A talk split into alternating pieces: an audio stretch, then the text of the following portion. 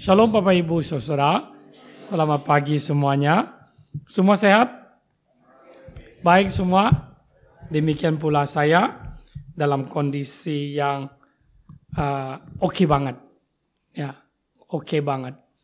Artinya nyaman dan enak sekalipun ya ancaman banjir dan bahkan banjir yang sedang berlangsung itu ada. Tapi ya tenang-tenang saja. Sudah berpengalaman.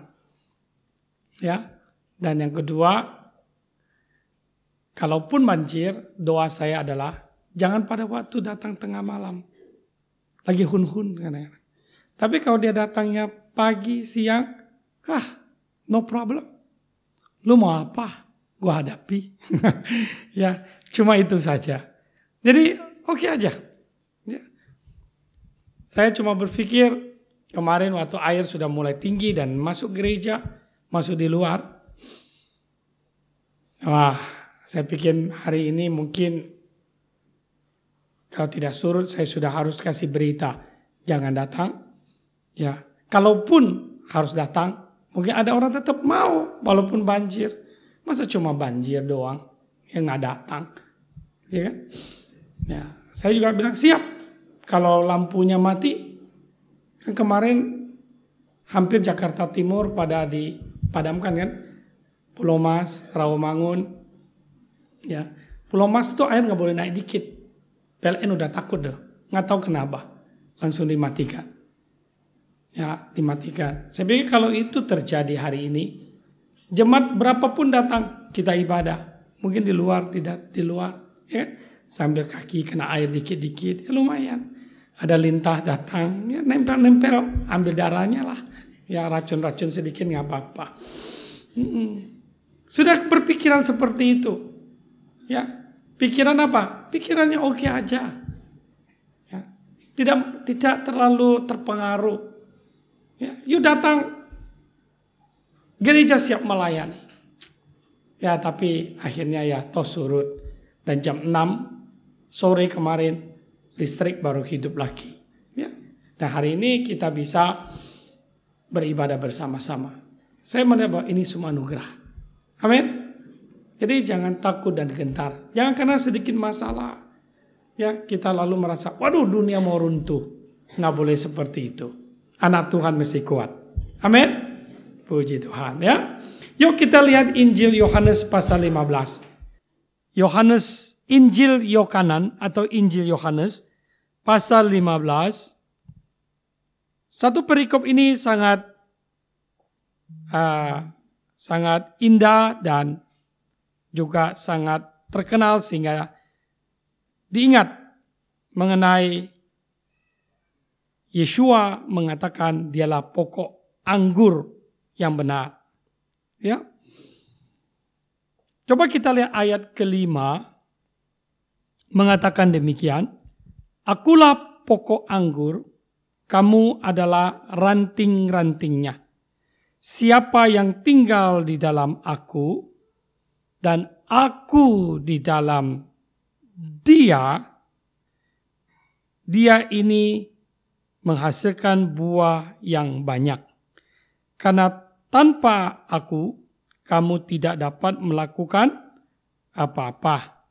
Jika seseorang tidak tinggal di dalam aku, ia dibuang keluar seperti ranting, menjadi kering, dan mereka mengumpulkannya, dan mereka melemparkannya ke dalam api, dan dia dibakar. Jika kamu tidak, jika kamu tinggal di dalam aku, dan firmanku tinggal di dalam kamu, apa saja yang kamu ingini, kamu dapat memintanya, dan hal itu akan terjadi kepadamu. Saudara-saudara, tema minggu ini adalah bicara tentang apa? Coba lihat di wartanya Bapak Ibu. Nah, apa? Hukum ketergantungan. Istilah Inggrisnya the law of independence. Ya, hukum ketergantungan. Nah ini berbicara tentang tajuk kita bulan ini intimasi, keintiman. Kedekatan kita dengan Elohim kita. Kedekatan hidup kita dengan Tuhan kita itu adalah hukum ketergantungan. Artinya bukan suatu pilihan, bukan suatu opsional yang tergantung dengan perasaan kita up and down.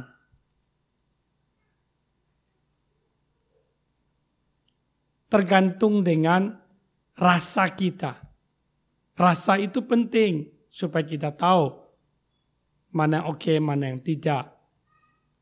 Tapi itu sangat subjektif kadang-kadang terpengaruh oleh ego kita, terpengaruh oleh kepentingan kita, yang kadang-kadang itu bisa tidak sama dengan kebenaran firman Tuhan. Tapi kita berlanjut. Nah karena itu rasa atau perasaan itu tidak boleh menjadi ukuran satu-satunya di dalam kita menentukan hubungan kita dengan Tuhan. Nah jadi bukan suatu pilihan. Sebab kalau pilihan, orang tentu pilih enak. Tidak pilih yang tidak enak. Nah untuk tinggal di dalam Tuhan, untuk mendekat kepada dia, untuk intimasi atau keintiman, kedekatan kita, persekutuan kalau kita pakai secara umum, dengan Elohim kita, itu bukan suatu pilihan yang didasarkan perasaan kita yang sering kali bisa berubah-ubah. Lalu tergantung apa? Yaitu keharusan. Maka disebut hukum atau kewajiban. Nah hal ini bisa kita lihat tekanan-tekanan dari pasal ini disampaikan oleh Yeshua secara fokus dan kuat strong dia bicara. Kamu harus tinggal di dalam aku. Betul Bapak Ibu lihat? Berapa kali diulangi kata ini kata tinggal, dwell in, dwell in. Kamu harus di dalam aku. Kamu harus tinggal di dalam aku. Kamu harus ada di dalam aku. Kamu harus ada be ada be di sama saya. Harus ada. Nah ini perkataan-perkataan begitu strong, kuat. Tidak ada di situ saya mendapatkan kesan, ya boleh-boleh aja. Ya boleh kalau mau, nggak boleh juga nggak apa-apa. Ya kayak banyak orang kan kalau ditanya mau makan, ya boleh kalau ada. Kalau nggak makan, ya nggak apa-apa. kan begitu, ya. Mau pindah, Rumah boleh kalau ada. Kalau nggak ada, ya nggak apa-apa. Mau jalan-jalan, ya boleh kalau cuaca baik. Kalau tidak, ya nggak usah. Itu pilihan. Tapi perkataan Yeshua di sini bukan soal kamu boleh pilih. Tapi kamu harus. Jadi ini suatu order.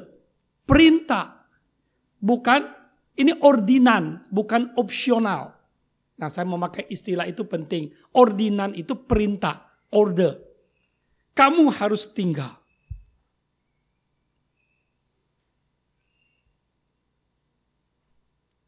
Karena kita berpikir, maksa amat ya? Kok maksa? Nah saya mau tanya, kalau orang tua terhadap anak waktu masih kecil, kita ini kasih dia opsi hormat sama orang tua atau keharusan hormat sama orang tua? Halo?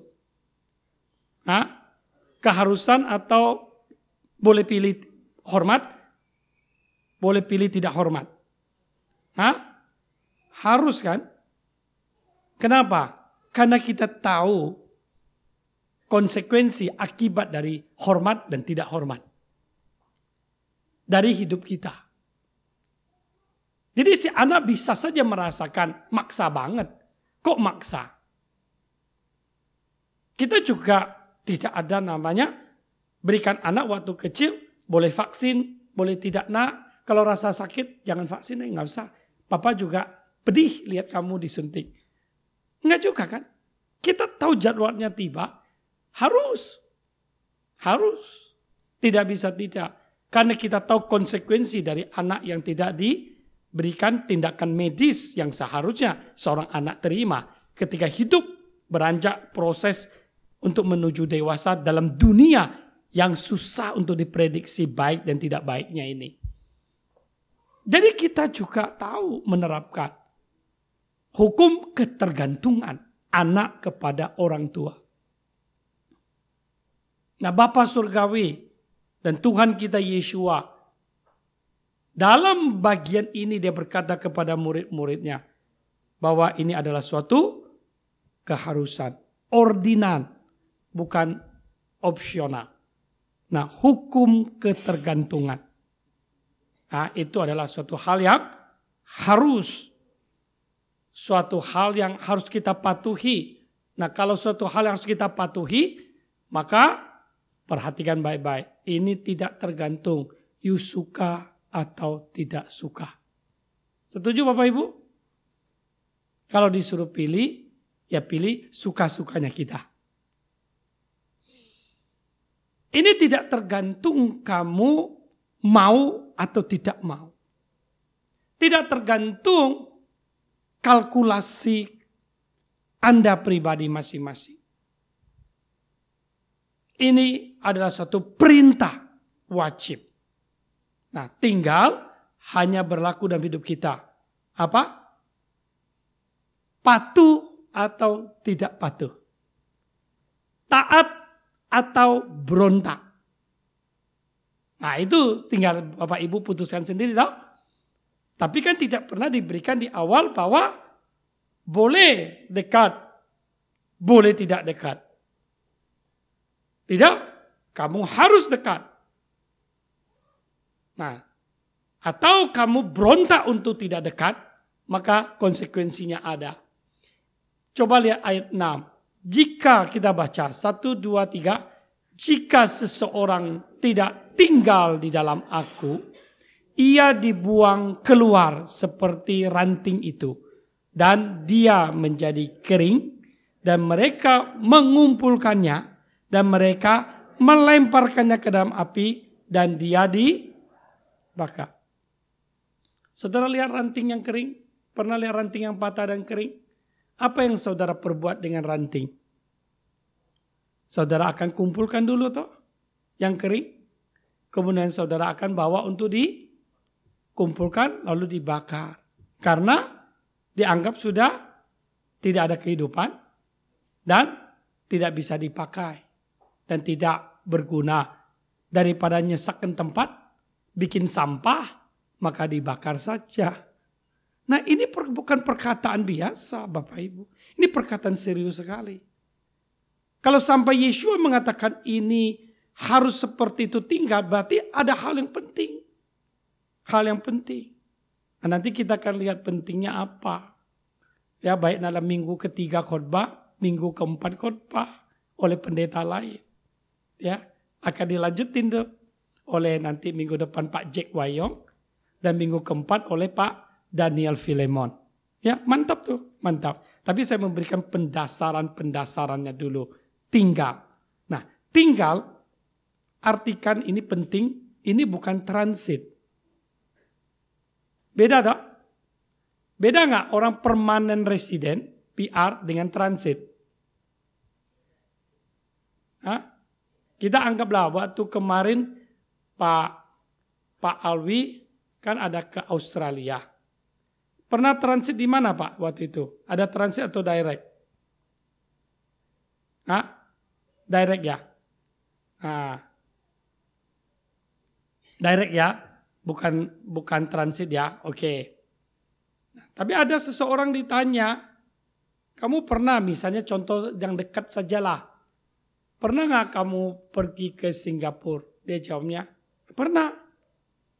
Oh pernah, bagus dong. Si A bilang, Terus kamu ada ke Chinatown-nya nggak? Kamu tahu nggak? Dia bilang, enggak. Kamu ada ke ini enggak? Jalan apa namanya? Jalan besar itu? Hah? Orchard. Dia bilang, enggak, saya enggak tahu. Kamu ada ke Mar, Mar, Mar apa? Bukan Marina, tapi yang Marlon ya. Hah? Iya, itu patung singa itu. Saya itu sudah pernah saudara, sering cuma saya jarang ke sana. Sombong. Enggak. Nah, ditanya apa dia jawab, enggak, saya enggak tahu. Nah, lalu apa maksudmu kamu pernah ke Singapura? Lalu orang itu jawab, ya karena saya cuma transit. Jadi kalau transit cuma hanya ada di bandara. Tidak keluar dari bandara. Tapi kalau ditanya udah pernah ke Singapura? Ya pernah. Memang dia ke negara Singapura. Cuma hanya sampai di bandara toh. Nah selebihnya dia tahu? Dia nggak tahu. Dia tidak tahu. Saudara mau sebutkan apa pun. Jangankan sebutkan restoran-restorannya. Tempat wisatanya. Jalan umum aja Orchard Road aja dia bilang dia enggak. Nah jadi beda orang yang transit dengan tinggal. Perintah Tuhan bagi kita bukan singgah.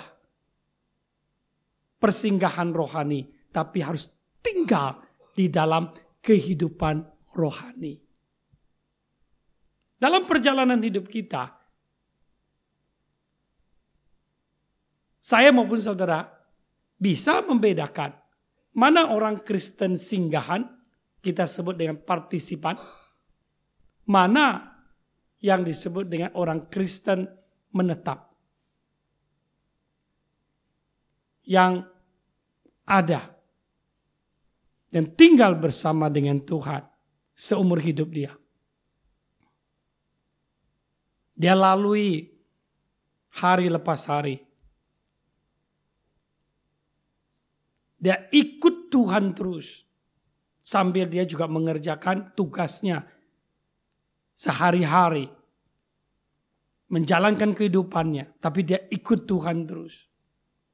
Dia berketetapan di hatinya, saya harus ada persekutuan dengan dia. Dan dia ada jam-jamnya, dia ada waktu-waktunya berdoa, dia ada waktunya bersekutu dengan Tuhannya. Nah itu tidak bisa diganggu gugat. Ada orang Kristen seperti itu? Ada.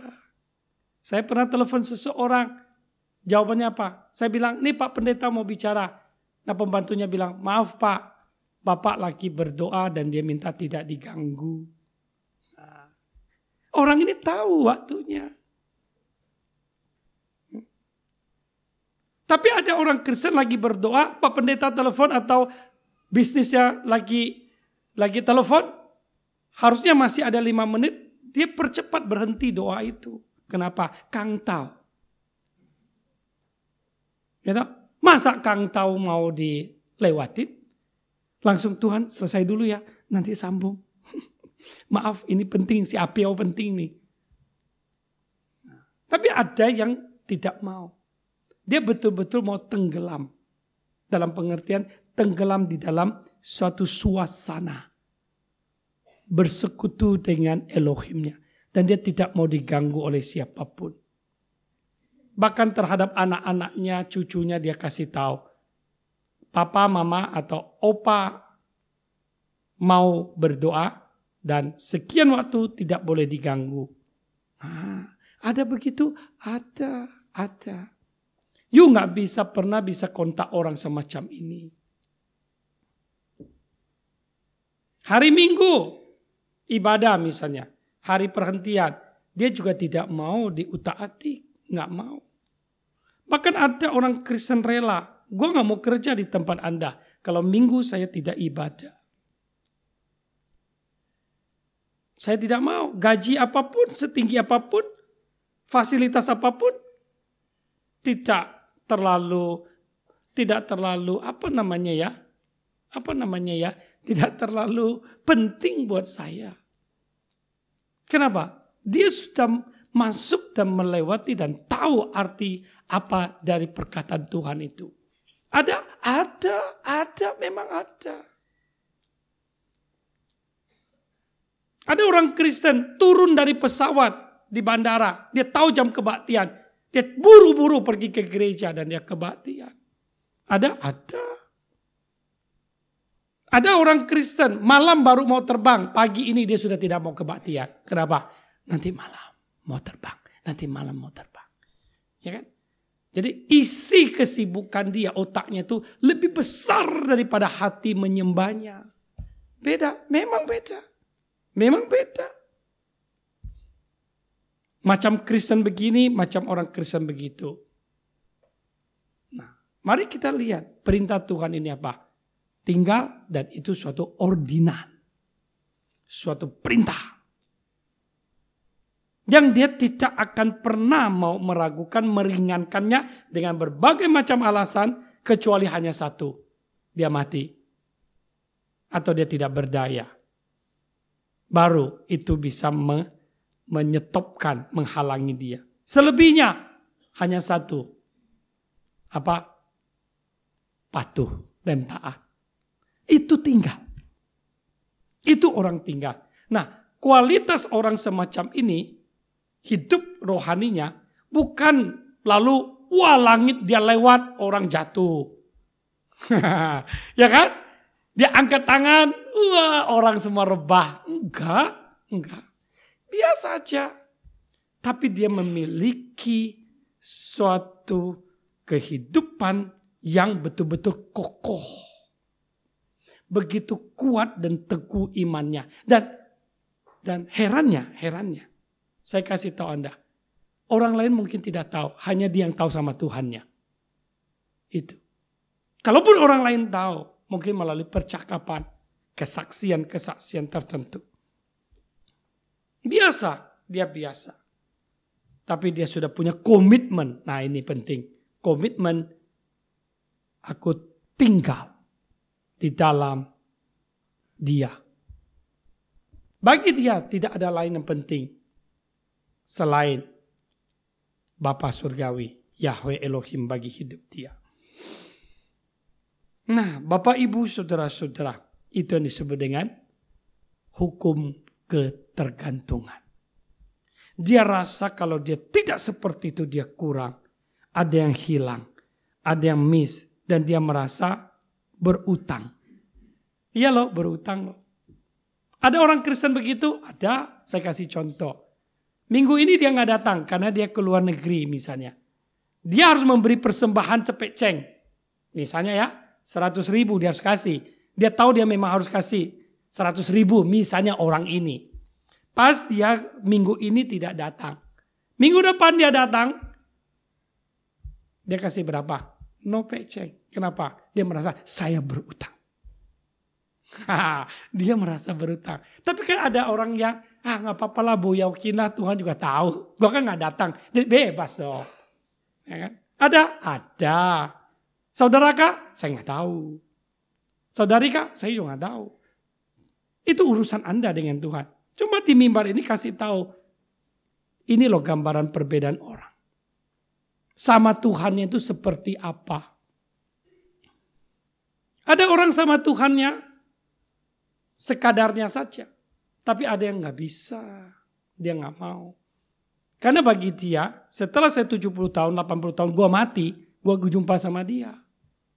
Ketika saya jumpa sama dia, saya bisa nggak kepala saya tegak atau saya harus nunduk terus dalam ketidaknyamanan. Dia sudah mikir tuh nanti itu. Dia sudah tahu apa akibatnya. Dia mungkin berjaya pada waktu dunia ini. Anggaplah 30 tahun, 40 tahun. Engkau hebat, engkau berhasil, engkau kaya. Tapi dia cuma tahu, dia hitung-hitung. Cuma 40 tahun. Cuma 35 tahun. Sebentar tahun berlalu. Tahun berlalu. Tahun baru. Sebentar juga Desember. Sebentar Januari. Eh ini sudah Februari. Dia tahu waktu begitu cepat dan dia sedang menuju penuaan dan akan habis.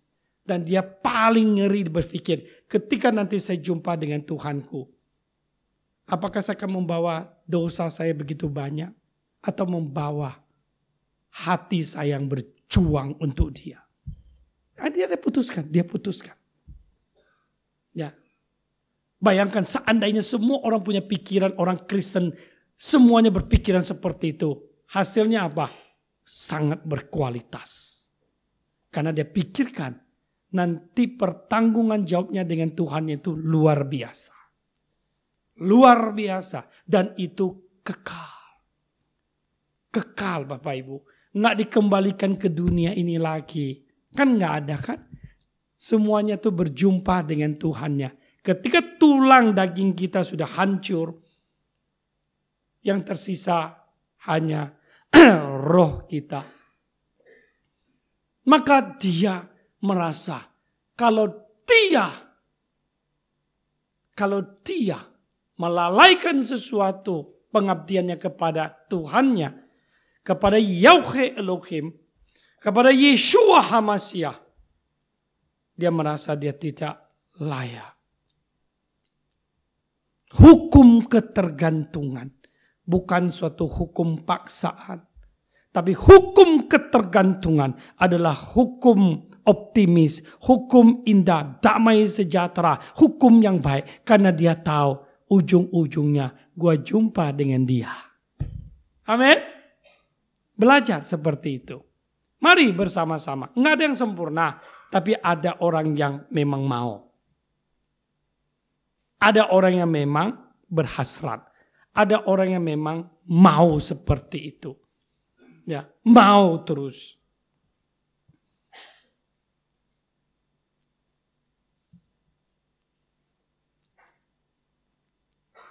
Mari kita melihat gambarannya. Kemarin kita sudah bicara tentang Moshe atau Musa. Mari kita lihat Daniel pasal 6. Kitab Daniel pasal 6 ayat 10 dan 11. Daniel pasal 6, kitab Daniel perjanjian lama pasal 6 ayat 10 sampai 11 Lalu kita lanjut Esther pasal 4 ayat 15 dan 17. Kita lihat dulu Daniel 6. Dan ketika Daniel mengetahui bahwa maklumat itu telah ditandatangani, pergilah dia ke rumahnya. Maklumat apa? Maklumat bahwa diharuskan dalam 30 hari itu semua rakyat, pembesar, orang biasa, tidak boleh ada ibadah dengan ilahnya kecuali hanya menyembah kepada kaisar, kepada raja. Ancamannya mati. Nah, Daniel sebagai pejabat yang diangkat saat itu tahu SK itu sudah turun. Apa yang dia lakukan? Firman Tuhan mengatakan, pergilah dia ke rumahnya, dia pulang, dan jendela-jendela kamar atasnya terbuka ke arah Yerusalem. Berarti dia di mana? Dia di Irak sekarang. Dia dibawa ke Irak. Jadi menghadap ke Yerusalem, menghadap ke timur. Dan dia bersujud tiga kali sehari, berdoa dan memuji di hadapan Elohimnya sebagaimana dia melakukannya sebelumnya. Dia tetap seperti itu Dan dikatakan siapa pun diketahuan melakukan seperti itu akan dihukum. Daniel tidak peduli. Terserah lo. Kamu mau ancam apa pun, saya tidak gentar. Karena saya adalah orang Yahudi dan saya memiliki hukum Elohim, hukum Torah dalam diriku harus beribadah dan dia lakukan. Dan memang Alkitab mencatat dia tahu ketahuan. Dan dia dijatuhkan ke gua singa. Ah sorry, dia dibakar. Ya, tapi dia tidak terjadi apa-apa karena Tuhan menolong dia. Yang saya mau lihat di sini adalah ketetapan dia untuk persekutuan, tinggal. Sekalipun saat itu ancamannya besar. Mari kita lihat Esther pasal 4. Kitab Esther pasal 4 ayat 15 dan 17.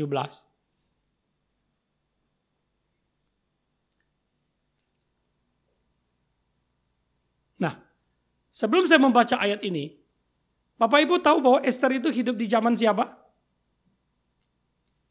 Hah? Hidup sejaman dengan siapa? hidup sama waktu dengan siapa?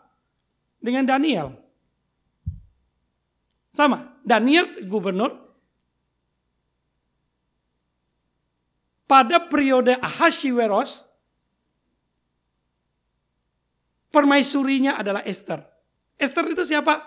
Wanita Israel, wanita Yahudi. Dan Daniel tahu apa yang terjadi kepada Mordekai. Haman itu seperti Hitler. Haman berniat untuk menghancurkan seluruh orang Yahudi genosida. Genocide. Jadi menghancurkan seluruh orang Yahudi. Dengan berbagai macam cara. Karena marah sama Mordekai. Karena setiap orang itu menyembah kepada Haman. Tapi Mordekai tidak mau. Mordekai selalu duduk di pintu gerbang. Karena kenapa? Karena keponakannya. Anak dari kokonya itu.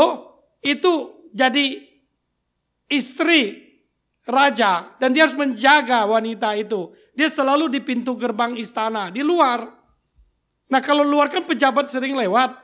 Dan kalau pejabat lewat kan harus sujud menyembah. Mordekai tidak pernah mau. Kenapa? Karena dia memegang hukum Tuhan tidak menyembah kepada manusia. Itu orang Yahudi. Tidak menyembah. Dan Mordekai lakukan. Haman marah. Setiap orang menyembah kepada saya tapi engkau tidak mau, dia berpikir.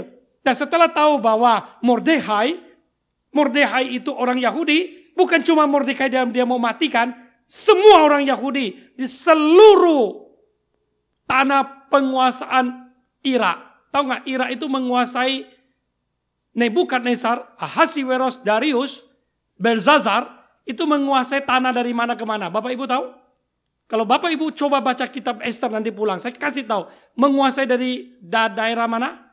Dari India sampai Persia, sampai uh, Ethiopia. Dari India, Alkitab ada catat India, ada ada, ada catat. Baca pasal 8, itu India itu ditulis. Jadi negara India pun sudah ada. Sudah ditulis, itu jajahan Irak. Makanya Saddam Hussein itu berani sekali menghantam Kuwait. Itu Irak. Jadi Alkitab itu Irak itu selalu ada kaitan dengan sejarah Israel.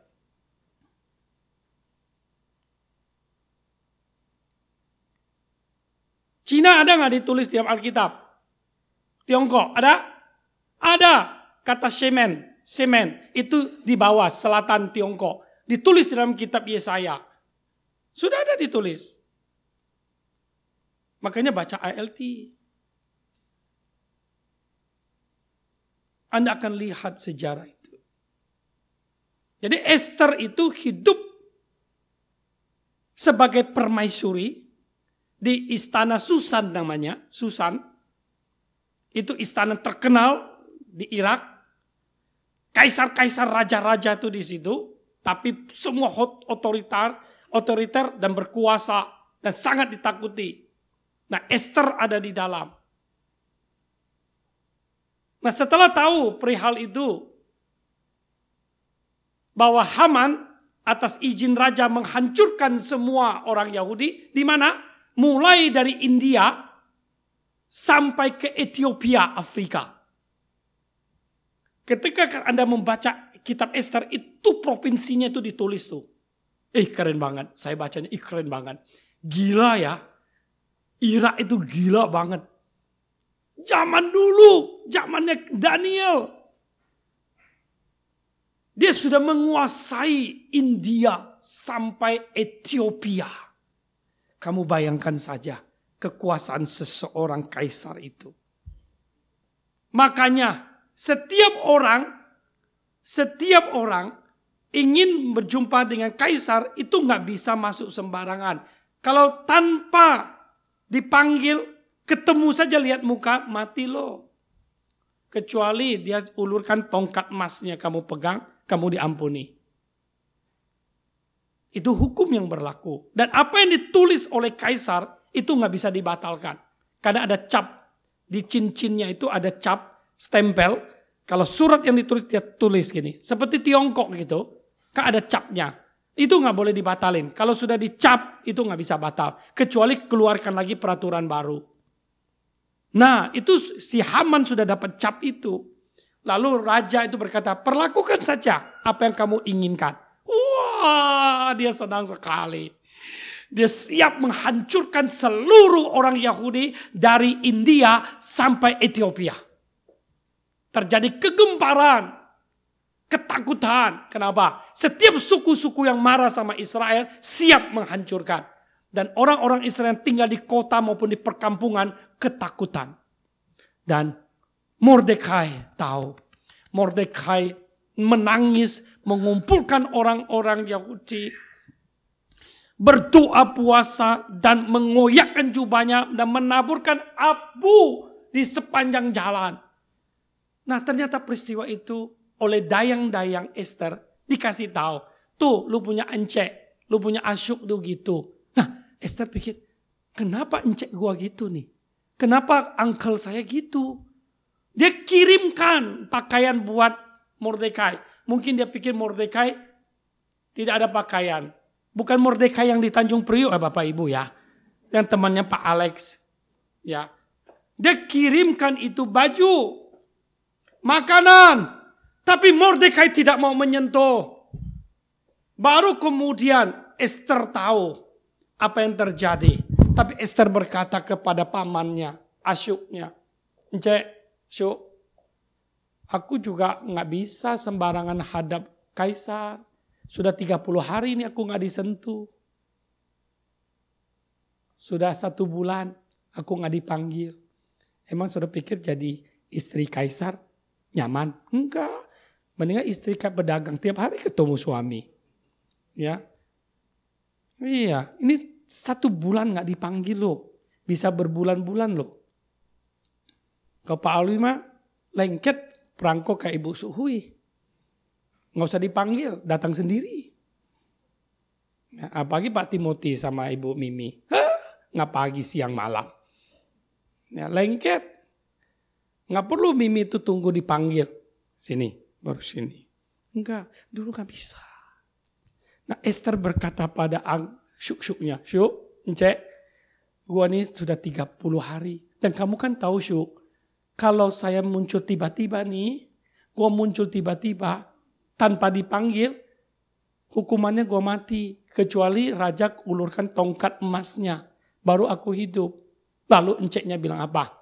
Kamu pikir bahwa cuma kamu yang selamat? Nah, kamu pikir bahwa kamu akan terlepas dari masalah ini? Yang kata lain, lu kan juga Yahudi, lu juga mati. Oke, kalau kamu tidak mau membantu ketemu kaisar sebagai permaisuri, maka biarlah Elohim akan menolong dengan cara yang lain. Dan dia akan tahu bagaimana untuk membebaskan umatnya. Tapi kalau kamu memang Tuhan mau pakai, kamu akan maju terus di hadapan kaisar. Tinggal kamu pilih. Mundur Takut? Atau kamu ambil keputusan maju? Esther waktu mendengar itu, berita itu, Esther bilang apa? Kasih tahu pamanku. Karena dia kan nggak boleh keluar. Dia kan permaisuri. Pamannya kan di luar. Tetapi kan dia punya pembantu banyak dayang-dayang. Nih kasih tahu paman gua. Apa? Ayat 6. Coba lihat ayat 16. Yuk. Itu dia. Ini dia. Nah, Daniel di mana? Daniel sedang gubernur. Dia juga akan kena.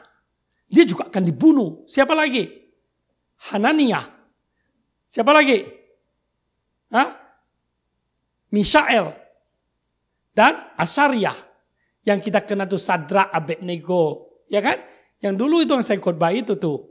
Nah, itu juga akan dipotong. Oleh siapa? Haman.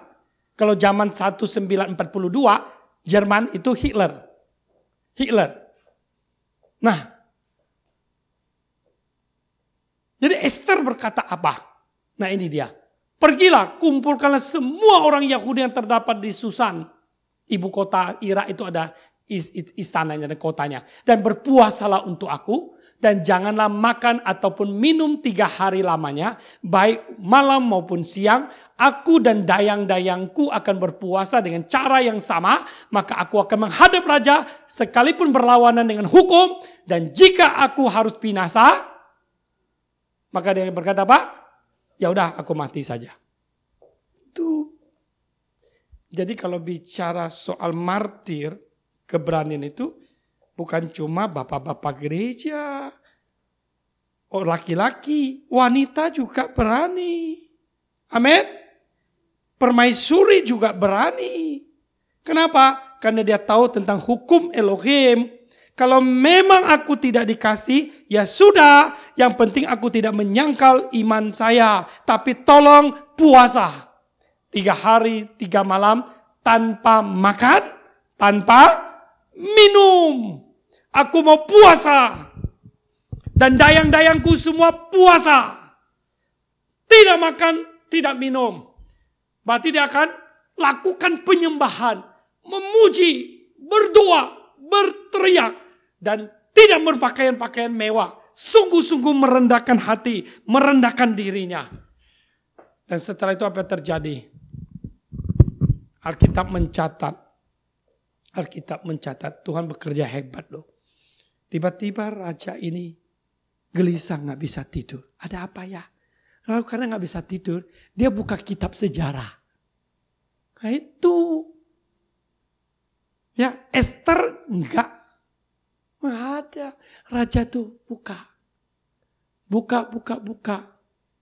Hah. Baru ketahuan. Ternyata dulu ada rencana pembunuhan terhadap raja. Tapi ternyata berita itu masuk. Sudah dikasih tahu oleh Mordekai. Mordekai di di mana? Di mana? Di pintu gerbang. Mendapat percakapan dua sida-sida. Mau membunuh raja. Hal itu dia sampaikan ke dalam. Dan dua orang itu dihabisin. Dan raja selamat. Nah raja tanya kepada pengawalnya. Orang yang pernah menyelamatkan istana ini di, di, diapain? Enggak, Dikasih apa? Enggak dikasih apa-apa. Hah? Enggak dikasih apa-apa. Di mana orangnya? Tuh. Duduk selalu di gerbang istana. Nah cerita tuh kalau bapak ibu baca berubah. Wah keren ya. Di situ Elohim bekerja. Amin.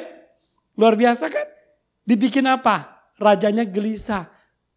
Nggak bisa tidur. Mioshoimuah. Nggak bisa sih. Gelisah. Jadi rohnya digelisahkan.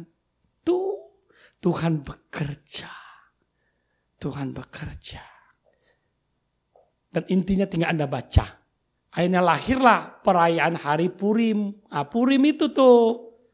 Purim itu, itu ditetapkan kemenangan Israel Yahudi di perantauan dari ancaman pembinasan penghancuran total dan mereka merayakannya dua hari sampai hari ini. Di bulan apa? Di bulan Desember hari ke-14. Selalu.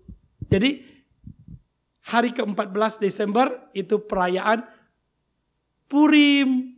Nah, itu sejarah itu tuh. Jadi ada kalau saudara lihat ada doa 40 hari 40 malam, saudara kan pernah dikasih tahu atau pernah dengar doa Esther atau puasa Esther. Ah, ini dia nih. Puasa Esther. Jadi apa? Intinya begini. Intinya adalah menjalin hubungan kepada Elohimnya. Dan mereka mendekat kepada Tuhannya. Mereka mengadu persoalan itu. Dan tidak sia-sia Bapak Ibu. Makanya Yeshua berkata betul, tinggallah di dalam A aku. Nah kalau kita lihat kehidupan Yeshua, sama. Kita buka yuk satu itu Markus 1. Markus, Injil Markus 1. 35. 35 dan 38. Markus pasal 1. Injil Markus. Pasal 1 ayat 35 dan 38 Yuk kita lihat. Dan pagi-pagi benar selagi masih gelap, setelah bangun, jadi Yesua tertidur tuh, Yesua juga tidur kayak kita. Tapi pagi-pagi masih subuh dia bangun, dia keluar dan pergi ke tempat yang sunyi dan di sana dia berdoa. Jadi apa? Hukum ketergantungan. Ini dia nih, intimasi. Intimasi kedekatan intim dengan Elohimnya. Dan setelah agak siang kemungkinan Simon cari dia di mana ini. Kenapa? Karena banyak orang sedang cari engkau, engkau sedang populer nih. Lagi-lagi naik daun. Lagi terkenal, lagi apa namanya? Kau sekarang itu lagi apa? Lagi hit, lagi viral. Lu lagi hit, fit nih.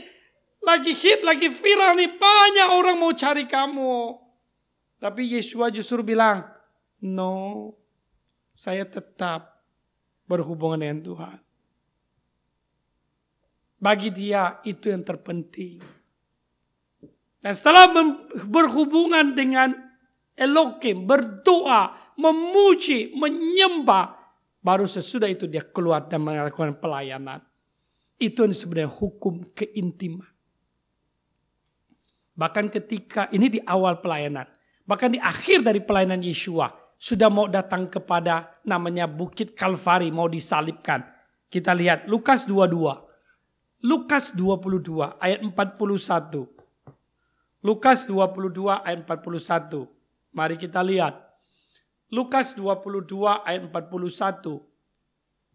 Injil Lukas 22 ayat 41. Kita lihat pasal 22 ayat 41. Kita baca 1, 2, 3 dan dia menjauhkan diri dari mereka kira-kira sepelempar batu jaraknya dan sambil bertekuk lutut dia ini atau Yeshua berdoa. Ini di Taman Getsemani. Dia diajak murid-muridnya tapi sesudah dia memisahkan diri seperempat lah batu jaraknya. Kira-kira berapa meter? Orang kalau lempar batu sekencang-kencangnya berapa meter? Dapat berapa meter kira-kira? Ayo Pak Daniel biasa lebih tahu Pak Daniel. 25 meter dapat. Kalau seperempat kira-kira 10 meter gitu ya.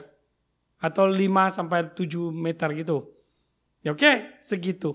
Paling-paling muridnya di sini, Yeshuanya di situ. Dia nggak mau dekat. Kenapa? Mau menenggelamkan dirinya dalam keheningan, kesendirian. Inilah disebut dengan sendiri bersama dengan Elohim dia berdoa. Baru dia dapatkan kekuatan. Ketika dihina, diejek, dipukul, dibantai, dia tetap berkata, kehendakmu jadilah. Lalu dia bisa berkata, Bapa ampunilah mereka. Jadi Bapak Ibu, keintiman kita dengan Elohim kita akan memberikan kepada kita kekuatan, kemampuan untuk menghadapi itu semua dalam kehidupan ini. Maka betulkan Yesus berkata, jika ranting ada padaku, dia akan hidup dan dia akan berbu, berbuah. Jadi perintah ini bukan perintah pemaksaan. Tapi perintah keharusan yang sebenarnya memberkati kita. Yang membuat hidup kita menjadi luar biasa. Mari kita tengok kasus peristiwa-peristiwa kini.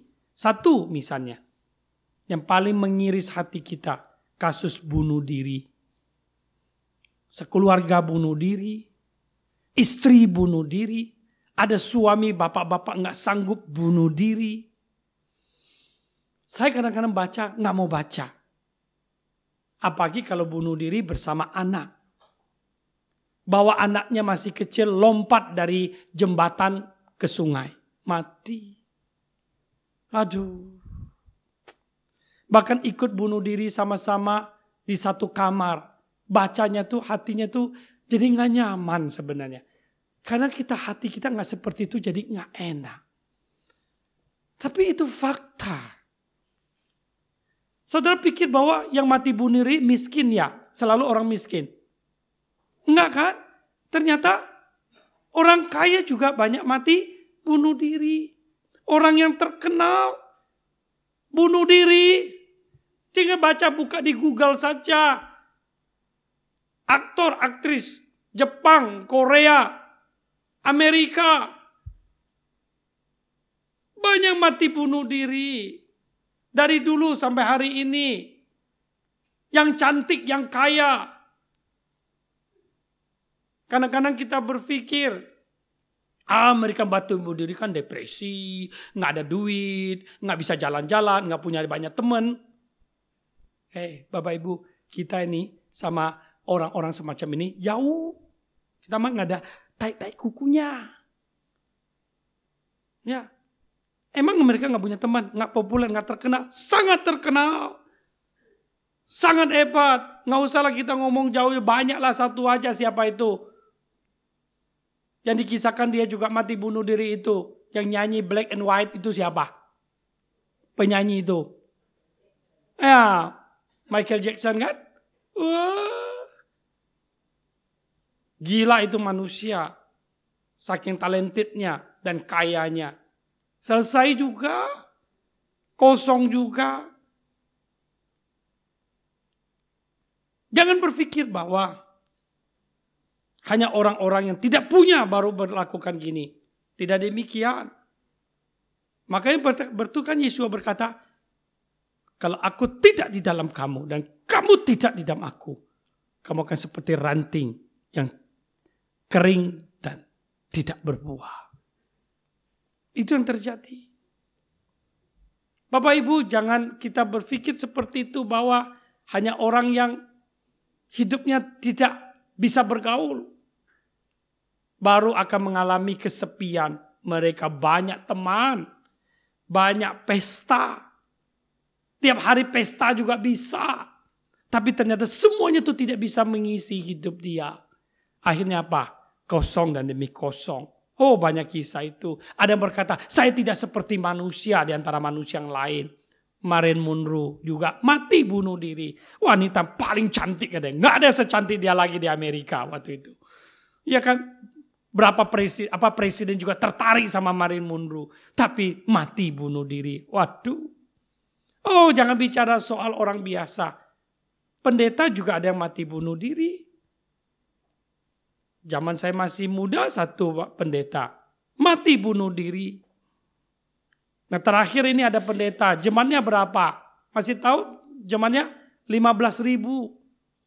15 ribu jematnya di Amerika mati bunuh diri. Aduh. Hmm. Saya sisa dua, gue gak akan mati bunuh diri. Sisa dua nih. Gue juga mati bunuh diri. Sisa Bu Liti sama Bu Yanti misalnya. Tiong-tiong gue datang ke rumahnya. Nggak kan? Kenapa? Kenapa? Emang saya hebat? Saya kaya? Enggak. Enggak. Kenapa? Harapanku hanya sama Elohimku. Amin.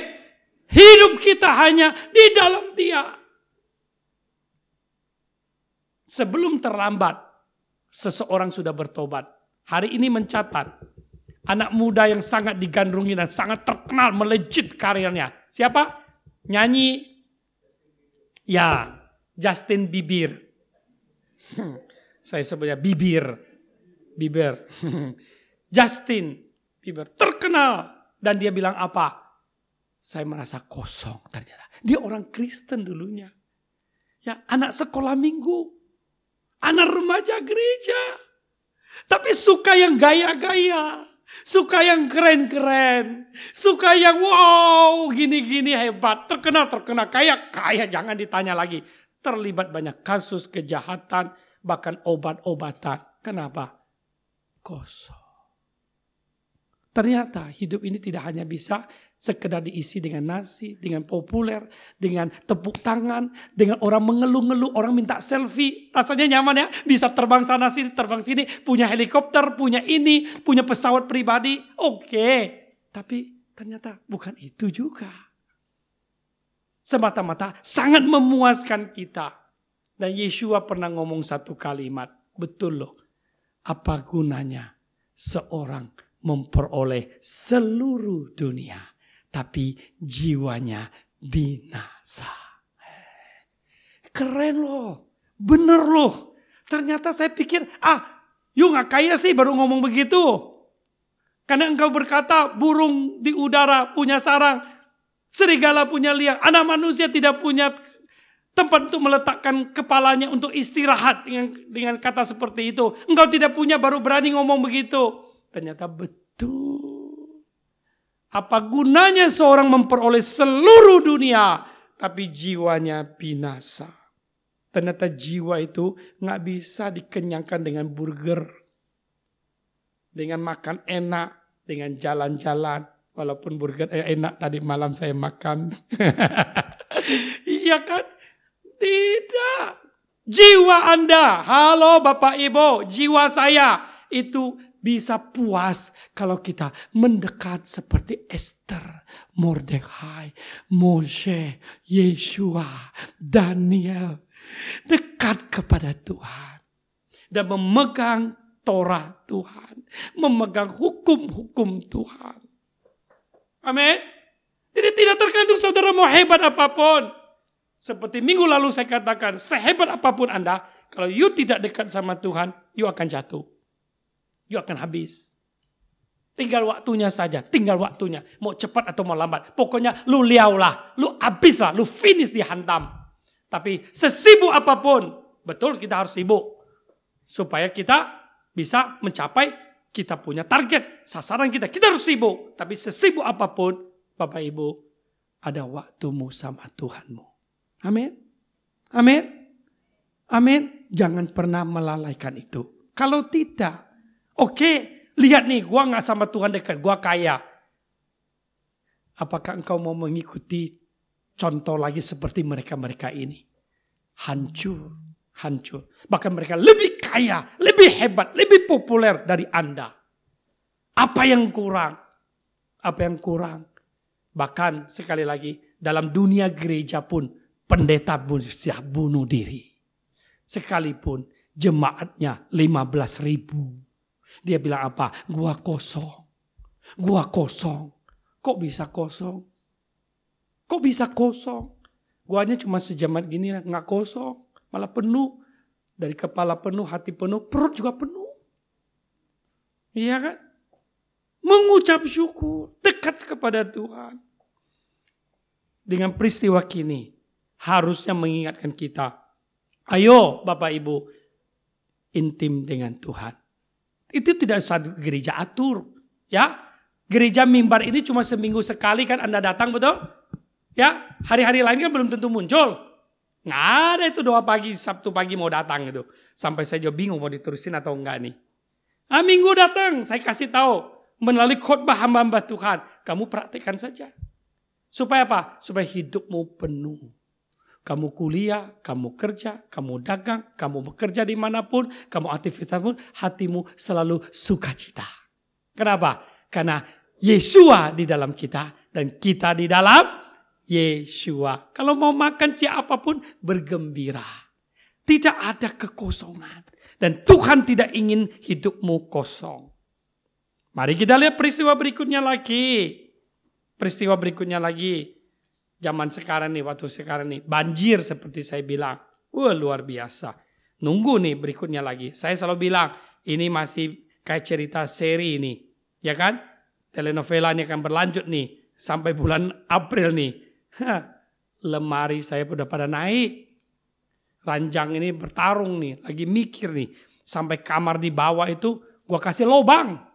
Saya suruh tukang datang kasih lobang. Kenapa? Supaya kalau penuh bisa dibuka, dratnya buka, air ngocor. Eh ternyata kemarin efektif. Karena setiap kali kalau dia agak rendah di bawah itu kamar, buat mertua juga tinggal di situ, apa is, apa lagi libur di situ, kan air masuk. Ah, dia kayak kolam sudah. Kolam di mana-mana. Kolam termasuk di dalam rumah. Sampai saya kemarin bilang, dapur juga penuh air nih. Saya sama bilang semu. Saya ngomong sama semu, semu lagi masak. Saya bilang, eh di belakang tuh. Kan ada biasa dapur, terus kan ada tempat masak, ada yang lebih rendah. Lumayan lah, gitu. Terus airnya naik. Dari situ ada ada lubang lubang air situ. Nah, tapi air yang muncul di belakang tuh jernih putih. Saya bilang, aduh, coba ada ikan. Ikan mas gue tabur situ. Wih, keren oh, pelihara ikan. Walaupun sebentar. Ya kita bikin lubang di kamar. Jadi ada drat. Jadi kalau air sudah mulai surut, kita buka. Lalu air ngucur keluar. Tadi kalau banjir lagi gimana? Ya sudah, kalau banjir lagi buka lagi. Ya udah, mau gimana? Jangan hati kita sukacita kita jadi dirusakkan dengan kerisauan. Nggak perlu setahun paling berapa kali malah keringat. Uh kemarin selesai itu jalan kita banyak sampah, banyak sampah, kotor, lumpur. Uh, RW kerja, dia nyemprot. Saya pakai ember, ambil air dari parit, buang. Wah, tidak sama tetangga yang keluar juga saya bersihin. Bersihin. Sisa masih genangan air agak di tepi, tapi jalan itu bersih. Keringat, keringat. Habis itu sehat, sehat. Pergi mana? Cak burger. Wah, keren. Jadi kalau dibilang seger nggak? Seger. Kenapa? Gua nggak pikir kalau hujan di banjir, aduh pakai selimut tidur enak. Enggak juga, boleh-boleh aja kalau Bapak Ibu mau begitu boleh. Kalau saya enggak, saya keluar. Ya, kan? saya cuci-cuci semua, saya ambil air. Tuh, saya lihat pas semua mau pakai ambil pakai air air apa? Air pam. Pas saya tiba dari gereja setelah gereja beres, saya kan ambil air tuh di luar tuh, ambil air siram, ambil air siram, siram. Jadi sambil melatih otot gua. Ambil air siram, ambil air siram enak. Kenapa? Ini kesempatan bagi saya untuk menyehatkan badan saya yang lebih lagi. Ya, dalam situasi seperti itu. Jadi bukan malah aduh ini bikin pusing, ini apa. Ya memang bisa bikin pusing. Tapi saya bukan tipikal orang yang menangis di tempat itu. Saya akan berbuat sesuatu. Sekalipun berat, saya lakukan. Apa? Masih ada hal yang bisa saya dapatkan dari situ. Positif dong. Ya kan? Positif dong. Saya siram-siram semua sampai bersih. Menikmati itu. Habis itu mandi. Habis mandi pergi makan. Ya kan? Enak sekali. Ya, jadi apa pun yang terjadi, sudahlah. Jangan banyak mengeluh. Nah itu kekuatan datang dari mana? Bukan dari saya. Kenapa? Karena saya punya hubungan tertentu saya dengan Tuhan saya. Dan dia yang memberikan kepada saya hati, pikiran, jiwa, roh seperti itu. Amin. Kiranya dia juga memberikan kepada Anda seperti itu. Kemarin saya bawa mobil ke gereja karena dengar sudah mulai air masuk. Saya datang setelah di rumah juga juga udah siap. Saya ke sini. Wah, air cukup dalam tuh di depan. Saya pelan-pelan mobil. Bisa nggak ya? Bisa. Bisa. Pokoknya kalau masih lihat trotoar di atasnya dikit masih ada kelihatan. Bisa. Tembus pelan-pelan sendiri. Pelan. Ya, eh, itu anak-anak. Di jalan banyak. Ya, main air. Oh, mau dekat ke mobil saya di belakang. Saya bilang, "Eh, jangan, hati-hati kau, jangan di sini." Ya, bahaya nih mobil lagi jalan. Terus saya buka kaca. Saya buka kaca, mereka lihat saya langsung teriak, "Corona, corona." Waduh. Sangat saya, saya kesel juga ya. Dia teriak, "Corona, corona." Sedangkan saya bawanya si RV Honda. Ini bukan Toyota Corona ya toh. ya udah, saya lewat pelan-pelan. Sampai di depan pintu gerbang sini, mobil saya masuk. Habis masuk gerbang saya, ambil ini saya foto-foto, air sudah mulai surut di sini, tapi sana masih dalam. Anak-anak itu datang, lewat di depan saya lagi. Mereka semua nyanyi kayak teriak, Corona, Corona, Corona. Gue kesel nih, hampir gue memarahin dia. Tapi ya sudahlah. Ya. Memang seperti itu. Nah Bapak Ibu Saudara-saudara menakutkan sekali. Kita butuh Tuhan Elohim memimpin kita. Dengar-dengar katanya Kuningan, Rasunan, Kuningan situ apartemennya kemarin berita ada seorang China demam. Itu satu apartemen itu kelabakan dan ketakutan. Sampai sempat menyalakan kenapa imigrasi bisa loloskan orang seperti itu. Tapi kita belum tahu beritanya selanjutnya apa. Tapi sampai hari ini ya kita sebagai negara Indonesia bersyukur ya belum ada dapat satu kasus kan. Indonesia belum ada kan. Singapura sudah naik di level orange. Sudah tinggal sedikit lagi naik di garis merah. Ya. Nah, kalau dia naik garis merah, anak-anak saya dan anak saya dan timnya itu semua orang tua sudah bilang tidak boleh berangkat. Tidak boleh berangkat. Nah, Bapak Ibu, saudara-saudara, dengan kondisi seperti itu, sekarang andalan kita itu siapa? Yuk kita membaca Yeremia 17 ayat 5. Kitab Yeremia Yeremia 17 ayat 5. Yuk kita baca. Nanti siapkan lagu. Zaman sekarang berjagalah. Tahu lagunya? Ya, tahu ya? Oke, ya. Yuk, Yeremia 17 ayat 5. Kita baca 1 2 3. Beginilah firman Yahweh. Terkutuklah orang yang mengandalkan manusia dan yang mengandalkan kekuatannya serta hatinya menyimpang dari Yahweh. Itu Alkitab kasih tahu, jangan kita mengandalkan kekuatan kita sendiri. Jangan. Jangan mengandalkan manusia. Jangan. Jangan menyimpang hati kita dari Yahweh Elohim kita. Makanya hukum ketergantungan ini hari ini mengingatkan Anda. Yuk kita lebih mendekat kepada Tuhan kita. Mengandalkan firman Yahweh. Mengandalkan kuasa Elohim kita. Untuk menjaga kita dari segala kondisi yang ada. Mazmur mengatakan dia akan memimpin hidupmu. Sekalipun ada ketakutan. Harus ada antisipasi terhadap virus seperti itu tetapi yang utama, hidup kita punya satu hal yang penting. Selalu berserah dan berdoa. Minta Tuhan jaga dan lindungi kita. Karena kita tidak tahu virus ini sekarang ada di mana. Sudah malah mutasi lagi. Ya, mutasi baru. Corona yang baru. Karena virus ini terus bermutasi, bergerak, Nah, lalu apa selain kita dengan hikmat yang Tuhan berikan untuk menjaga mengantisipasi? Mari saya ajak kita berserah. Jangan takut keterlaluan juga. Tapi juga jangan ceroboh. Hati kita kita persembahkan. Hidup kita, keluarga kita minta perlindungan Yahweh Elohim. Inti Messi. Kedekatan kita dan tinggal di dalam Tuhan. Itulah yang Tuhan kasih tahu sama kita. Supaya hidup kita menjadi penuh sukacita dan teguh. Amin. Amin. Mari kita angkat pujian ini bersama-sama. Zaman sekarang yang penuh dengan tantangan ini, kita membutuhkan dia hadir bersama dengan kita semua. Haleluya.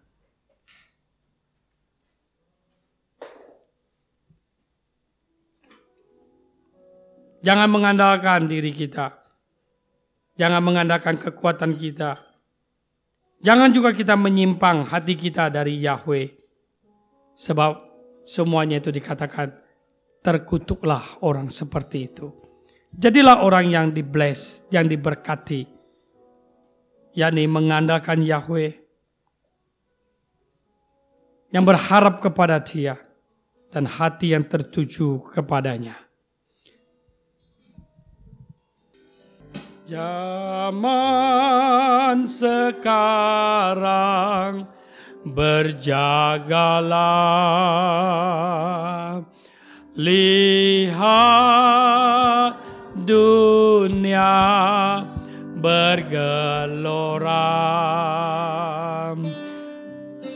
kedengaran sini sana banyak kabar menggemparkan berlindunglah dalam sabda Tuhan. Zaman sekarang. Zaman sekarang berjagalah lihat dunia bergelora. Kedengaran sini sana banyak kabar menggemparkan. Berlindunglah dalam sabda Tuhan